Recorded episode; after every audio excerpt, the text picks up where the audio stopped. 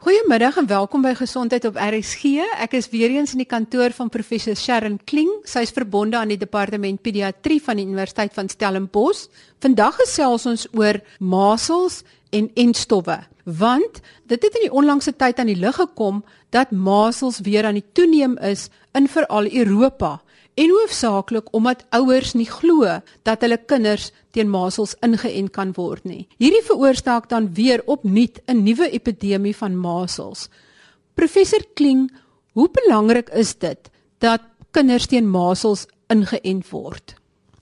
Dankie Marie. Dit is verskriklik belangrik. Soos jy uitgewys het, daar is heidaglik 'n uitbraak van masels in Europa, daar's ook een in die Verenigde State en in ons eie land teen die einde van verlede jaar was daar waarskuwing dat daar toename in gevalle was veral in die Noord-Kaap en dat ons op die uitkyk moet wees daarvoor. Met die masels inenting, dis 'n baie baie goeie inenting en baie suksesvol en ons het dit onder beheer gekry tot 2009-2010 wanneer ons 'n uitbraak gehad het en daar was oor die 18000 gevalle van masels in Suid-Afrika tydens daardie epidemie. Voordat ons kom om meer oor die vaksin te praat, is wat gebeur as mens masels kry en waarom is dit so gevaarlike kindersiekte of eintlik nie net 'n kindersiekte nie want volwassenes kan dit ook kry? Masels word veroorsaak deur 'n virus, net soos mense verkoue of griep of so iets kry. En die probleem met daardie virus is dit affekteer al die orgaanstelsels in die, in die liggaam en dit veroorsaak ook immuunonderdrukking. Dit wil sê 'n persoon se manier om infeksie te beveg word onderdruk. Wat gebeur as 'n mens asem dit gewoonlik in en dan gaan sit dit in van die limfoïde weefsel en dit versprei deur die liggaam. En die eerste tekens is gewoonlik lyk soos 'n verkoue, bietjie van 'n loopneus, hoes en 'n koors. Daardie hou omtrent so 3 tot 4 dae en dan daarna um, begin die uitslag wat die tipiese maselsrooi uitslag is. Die probleem is die gevaarlike deel van masels is as dit die longontsteking veroorsaak. En dis nie net die maselsvirus self wat longontsteking veroorsaak nie wat gevaarlik is nie, maar omdat dit die liggaam se immuunstelsel onderdruk, maak dit 'n mens ook vatbaar vir ander infeksies en dis ander virusse soos adenovirus of ander bakterieële infeksies wat pneumonie veroorsaak. Ek het dan ook gehoor dat as kinders masels kry, dan moet hulle in 'n donker kamer wees. Hoekom sou dit wees? Een van die orgaanstelsels wat aangetast word is die oë, so dit veroorsaak konjunktivitis en mense het altyd gevoel om die oë te beskerm moet jy in 'n donker kamer wees. Daar is nie eintlik bewyse daarvoor nie, maar ek onthou ek het masels as 'n kind gehad en ek was in 'n donker kamer. Ek het lank terug met eh, dokter gepraat by die dit was nog net sy Kaapstad se stadshospitaal. En toe het hulle 'n studie gedoen en gevind dat as jy Vitamiin A aanvulling gee vir die kinders, dat dit kan help om die komplikasies of die graad van die masels te verminder. Is dit korrek? Geld dit nog? Ja, dit geld wel. Dit was een van die grootste deurbrake in die geveg teen masels in Suid-Afrika. Ek was toe nog 'n jong dokter in opleiding en hulle het 'n studie gedoen waar hulle kinders met masels en longontsteking Vitamiin A gegee het en dit het die morbiditeit en die mortaliteit verlaag. Vandag is dit rotine om kinders Vitamiene A toe te dien as hulle masels kry en hopelik dan die longontsteking se neeweffekte te verminder. Watter persentasie van kinders kry ernstige komplikasies of sterf as hulle masels kry? Dit hang basies af van die kind se ouderdom en die kind se immuunstelsel. So in die laaste uitbraak wat ons gehad het, was vir al die kinders wat um vigs gehad het en die jong kinders baie vatbaar en 'n hoë mortaliteit. So ek weet nie presies wat die persentasie is nie, maar al die kinders wat masels kry, sal een of ander komplikasie hê. As hulle immuunstelsel sterk genoeg is, sal hulle dit kan afweer. Maar dit is veral daardie groepe wat baie kwesbaar is wat 'n hoë insidensie van sterfte sal hê. En as 'n gemeenskap of 'n land se bevolking 'n hoë persentasie van die kinders wel ingeënt is teen masels, dan is dit makliker om onder beheer te bring. Maar as daar nou 'n groep is wat nie die masel inenting kry nie, hoe groot moet daai persentasie word sodat die herd immunity, die groepsimmuniteit nie meer voldoende is om 'n uitbreking te stop nie. Ek weet nie of daar 'n spesifieke persentasie is nie, maar sê net maar dit is een of twee individue, dan gaan dit nie daardie herd immunity aantas nie. Maar as daar 'n redelike groep mense is en ander mense se weerstand teen die measles virus is laag, dan sal daar uitbraak wees. En dis presies wat in Europa gebeur het omdat mense nie kinders teen measles inent nie. Was daar 'n groot klomp kinders wat en volwassenes ook wat kwesbaar was. Dieselfde het met ons gebeur en ons is nie 100% seker van al die redes nie. Ons dink dat HIV positiwiteit wel 'n rol gespeel het omdat mense se immuunstelsel verlaag was. Maar daar was wel um, in sekere areas waar die immunisasie dekking nie goed genoeg was nie, waar meer mense dit opgedoen het. Presies hoe werk die masel en stof en wanneer moet 'n kind dit kry en moet hy dan 'n booster inspuiting ook kry? So die masels in stof is wat ons noem 'n lewende geattenueerde vaksine wat beteken die virus is soort van makker gemaak deur laboratoriummetodes. Dit word dan ingeënt en dit veroorsaak 'n baie ligte infeksie wat dan die liggaam se immuunstelsel stimuleer om teenliggame te maak teen die maselsvirus. Ons rotine immunisasie skedule maak voorsiening daarvoor dat kinders op 9 maande ingeënt word en dan kry hulle 'n booster vaksine weer op 18 maande. As ons jonger kinders in die hospitaalstelsel kry of kinders is meer vatbaar sien maar hulle is HIV positief, dan sal ons selfs op 6 maande immuniseer omdat na 6 maande is die periode wanneer die moederlike teenliggame verminder in die baba se liggaam en dan is hy baie kwesbaar vir masels. So as 'n mens dit dan op 6 maande doen, dan moet 'n mens dit herhaal op 9 maande wanneer hulle voel dis die immuunstelsel se beste kans in die meeste van die kinders om 'n suksesvolle reaksie op die vaksinne te hê en dit wil sê dan die liggaam te kan beskerm maar dit is nie 'n voldoende reaksie nie en dit moet weer op 18 maande gegee word. Moet daarna dalk weer 'n derde vaksinering plaasvind of is dit nie nodig nie? In die meeste gevalle is dit nie nodig nie, maar ons het elke paar jaar het ons 'n kampanje waar ons al die kinders in 'n sekere ouderdom sien by by die skole in en vir masels. Dit help dan om die herd immunity te bevorder dit maak net seker dat kinders wat miskien die inenting gemis het of waar die liggaam nie heeltemal daarop gereageer het nie, dan suksesvol kan 'n uh, immuunreaksie veroorsaak. Die maselvaksin wat op 9 maande en 18 maande vir kinders gegee word in die openbare sektor. Is daar enige rede spesifiek 'n mediese rede waarom 'n ouer kan weier of behoort te weier dat die kind dit nie kry nie. Ek probeer vasstel waarom die ouers in Amerika en Europa weier dat hulle kinders die maselvaksin kry. Om die eerste vraag te probeer antwoord is uit 'n mediese oogpunt.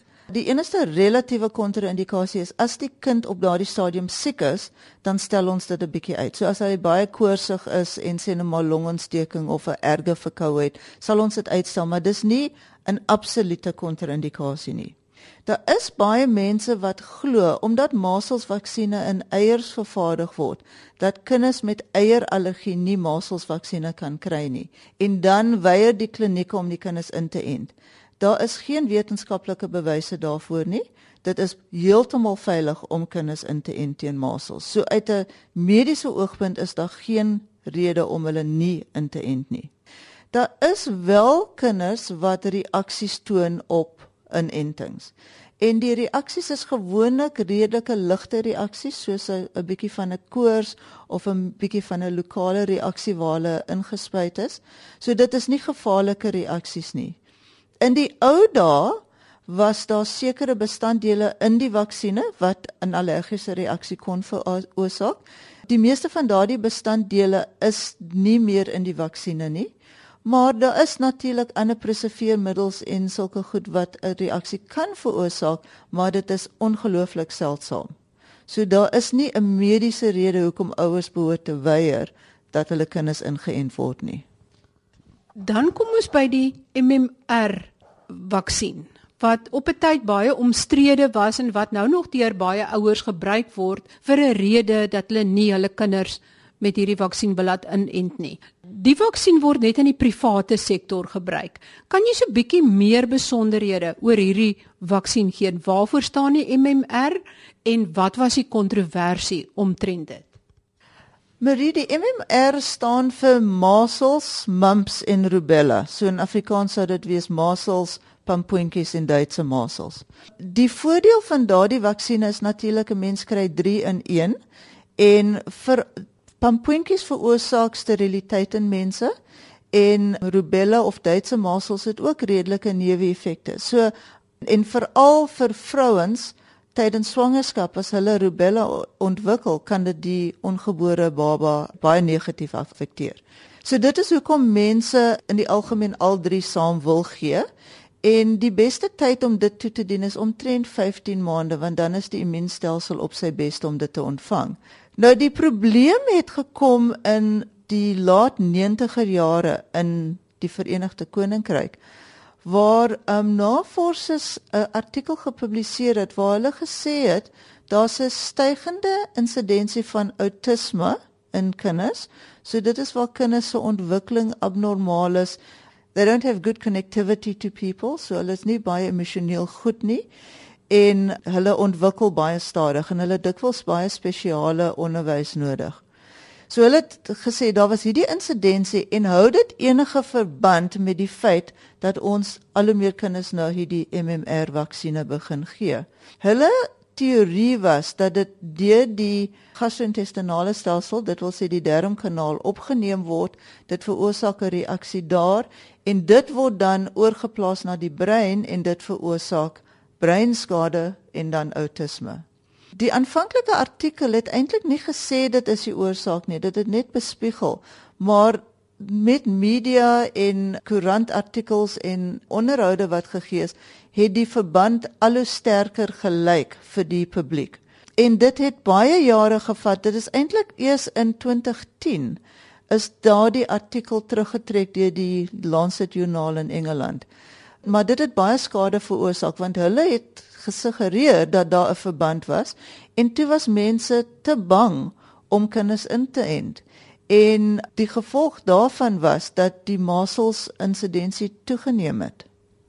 Dit is ook baie interessant dat uh, professor Petrus de Vries wat absoluut 'n kenner is op die gebied van outisme en ook byvoorbeeld ADHD by Rooikruis Kinderhospitaal dit baie pertinent gestel het dat daar geen verband is tussen die MMR vaksin en outisme nie en dat dit bloot toevallig is dat outisme eintlik meer prominent raak op 15 na 18 maande en dat daar werklik waar geen verband is nie. Maar gebruik ouers nog steeds meer verwesterde ouers hierdie as 'n verskoning.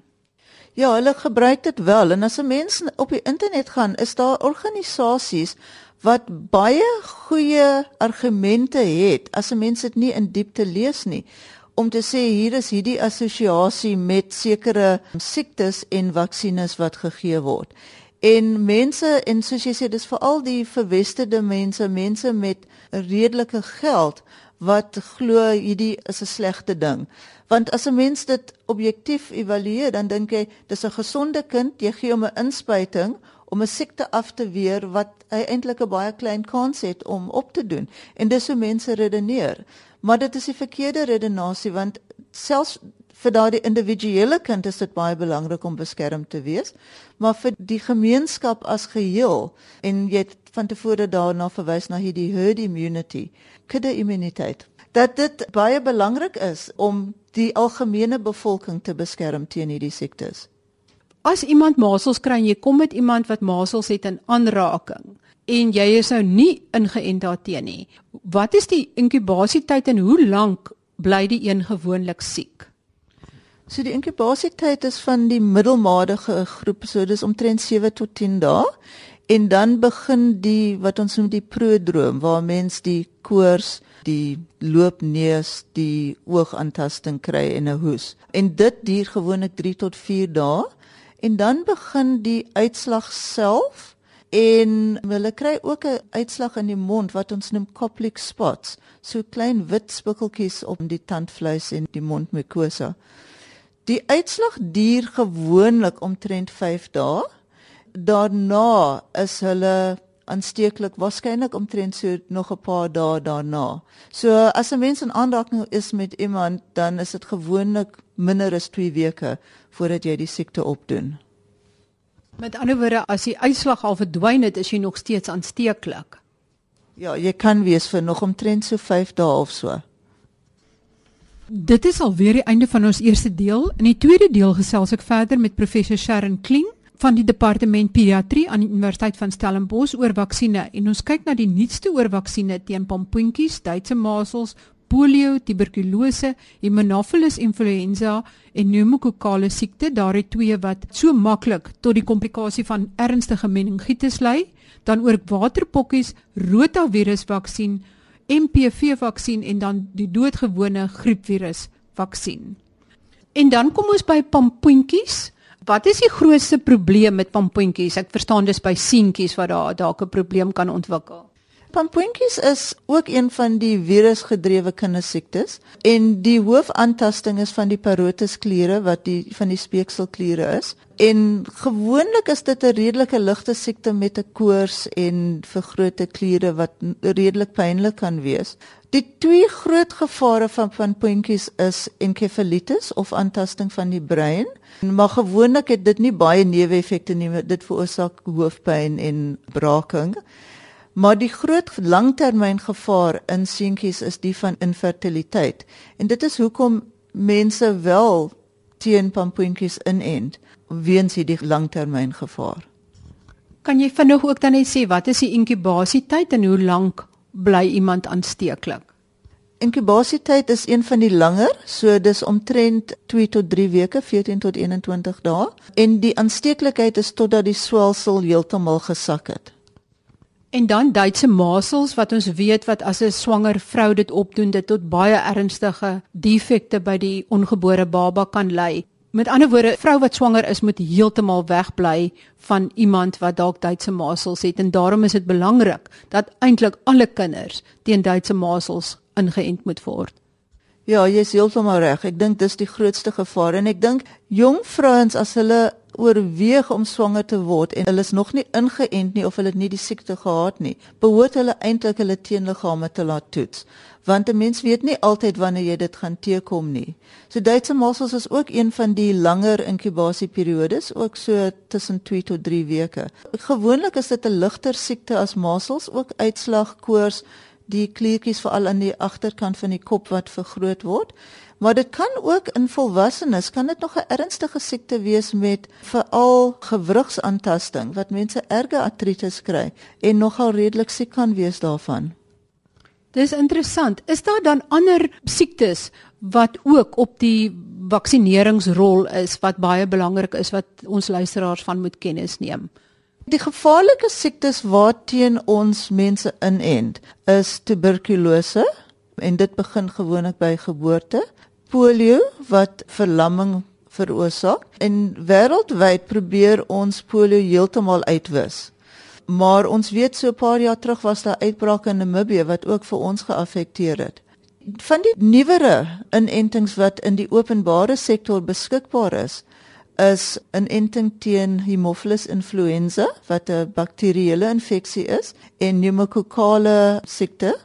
Die groot rede hoekom ons daarteen inent is weens die meningitis wat dit veroorsaak. Dit veroorsaak ook longontsteking, maar dis nie altyd dieselfde serotipes waarteen ons inent wat longontsteking veroorsaak nie. Die insidensie van gevaarlike bakterieële meningitis het verskriklik afgeneem as gevolg van daardie. En dan die ander nuwere vaksines wat ingebring is, um, rotavirusvaksine wat diarree in klein babas veroorsaak. En dit is ook 'n baie suksesvolle immunisasie. In die privaat sektor is inenting teen waterpokkies ook beskikbaar en jy kan dit koppel in sekere areas is dit beskikbaar saam met die MMR vaksines.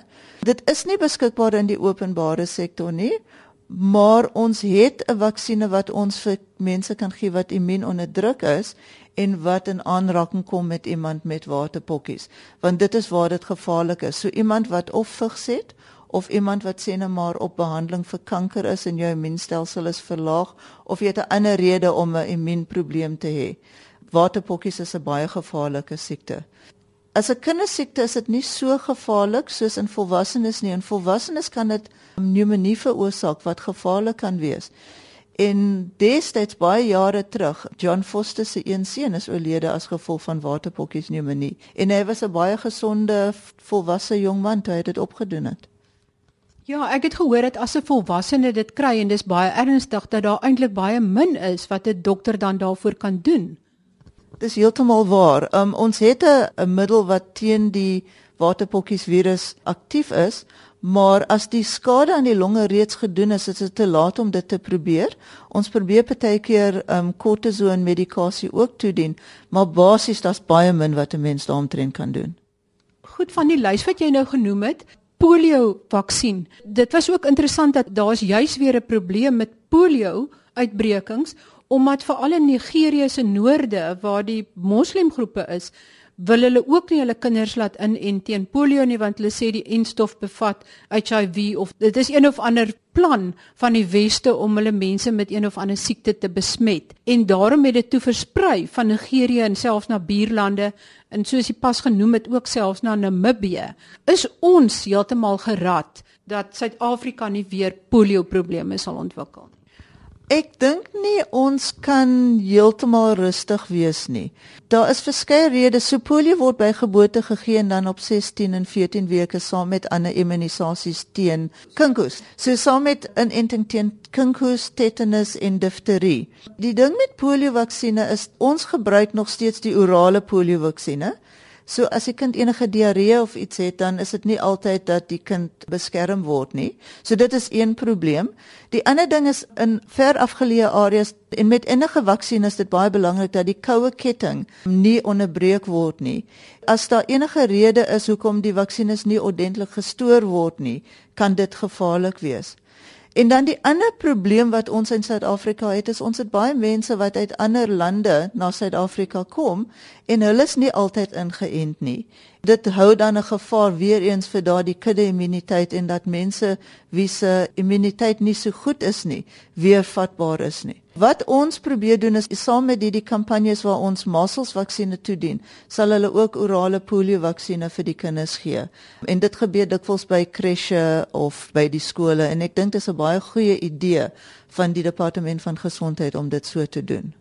Goed en dan net 'n laaste punt oor die rotavirus vaksin. Ek het so tydjie terug 'n interessante omsendbrief van die medisynebeheerraad gelees wat hulle vir die dokters waarsku dat dit 'n orale middel is en dat hulle dit nie moet inspuit nie.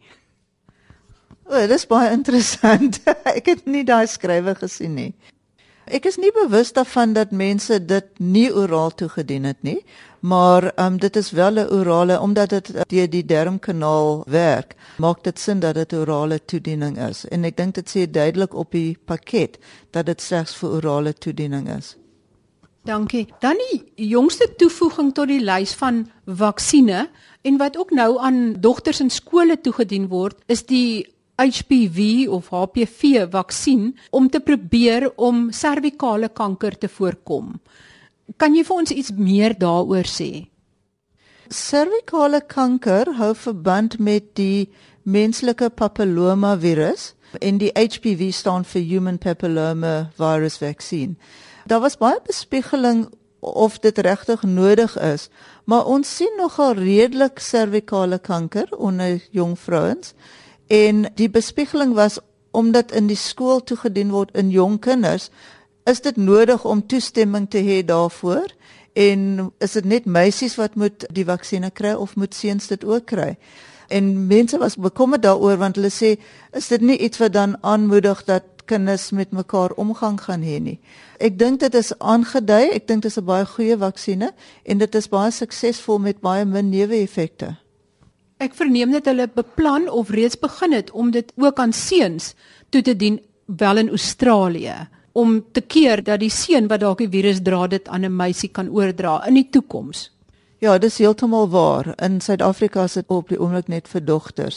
Dit is ook interessant. 'n Mens kry toestand by kinders wat hulle opdoen as hulle maas die virus het waar hulle lugwegprobleme kan ontwikkel. So hopelik sal die insidensie daarvan ook verminder. Dis 'n redelike seldsame ding, maar as 'n kind dit het, veroorsaak dit baie probleme en dikwels eindig hulle met 'n tracheostomie en dit kan ook in die lugweë afgaan en erge longontsteking veroorsaak. Dink jy dat in 'n ideale wêreld waar alle kinders gevaksinereer word teen al die siektes wat ons nou van gepraat het, dat dit op 'n punt kan kom dat van hierdie siektes heeltemal uitgewis kan raak in Suid-Afrika of in die wêreld? Ja, ek dink dit is 'n moontlikheid. Ek dink daar sal ongelukkig altyd mense wees wat immunisasies nie kry nie. 'n Voorbeeld van 'n siekte wat basies uitgewis het is pokke of smallpox. En polio is in areas van die wêreld heeltemal uitgewis. So ek dink dit is die ideaal. Ek dink dit sou wonderlik wees as 'n siekte soos measles nooit voorkom nie, omdat dit mense so siek maak en so hoë sterftesyfte het. Maar ek dink die realiteit is ons gaan nooit al die siektes kan bestry nie. Hoe effektief is die TB-vaksin wat steeds gebruik word? So die een wat ons op die oomblik gebruik is 'n BCG en dit is nie 'n baie effektiewe een nie. Dit is veronderstel om die erge komplikasies van TB af te weer. Dit wil sê TB meningitis en die gedissemineerde vorm van TB. Maar ten spyte daarvan sien ons nog steeds kinders wat hierdie siektes en volwassenes wat hierdie siektes opdoen. So mense is op die oomblik besig om te werk aan 'n TB-vaksin wat meer effektief is en ons hoop dit gaan kom, maar ek weet nie wanneer nie. En wat is die ander groot siektes wat jy hoop dat daar in die toekoms ook 'n vaksin teen sal wees? Ek dink die groot een wat mense almal hoop gaan waar word is teen vigs of HIV. Want dit gaan oor die voorkoming van HIV. Ons het goeie behandeling, maar dit beteken lewenslange behandeling. En die ideaal sou wees voorkoming en ons hoop ons kry 'n effektiewe vaksin. Daar's baie werk wat gedoen word. Daar is belowende werk, maar dit is nog nie op die mark nie. En dan net 'n laaste vraag oor die ou doodgewone griep vaksin. Is dit ook veilig vir kinders? Ja, griepvaksin is veilig, selfs in kinders met eierallergie, want um, weer eens dit word in eiers vervaardig. So dit is veilig en dit is aangedui om kinders te beskerm teen griep, veral kinders met enige kroniese siektes soos longsiekte of asma of enige van daardie tipe siektes. So dit is veilig en ons moedig aan dat dat kinders dit ontvang en dit is aangedui in kinders selfs van 6 maande ouderdom. Dit is omtrent wanneer die moederlike teenliggame sal afneem. En veral kinders met kroniese siektes soos kroniese longsiekte of asma behoort jaarliks ingeënt te word. Baie dankie professor Kling, ek waardeer dit. Dit is dan die einde van vandag se gesondheid op RSG. Onthou die griepvirusvaksin is een van die belangrikste dinge wat jy kan doen om ernstige komplikasies weens die drie belangrikste griepvirusstamme van hierdie winter te probeer voorkom. Alle mense ouer as 65 behoort 'n griepinspuiting te kry. En as jy jonger as 65 is en ek sluit kinders hierby in en jy het al long of hartprobleme gehad, spring vinnig en laat jou inent. As jou kleuter in 'n kres of 'n speelgroep aan ander kinders blootgestel is, is die griepvirusvaksin ook vir hom. Oor die ander vaksines moet tog nie een van die ouers wees wat dink hulle is so slim dat hulle eintlik dom optree deur nie hulle kinders te laat inent teen hierdie belangrike groep siektes wat ons vandag bespreek het nie. Tot volgende week dan, wanneer ons gesels oor kroniese obstruktiewe lugweegsiekte wat emfyseem insluit en die belangrike operasie wat nou by Medikliniek Panorama gedoen kan word om verligting te bring aan mense wat aan hierdie siekte ly. Tot volgende week dan. Totsiens.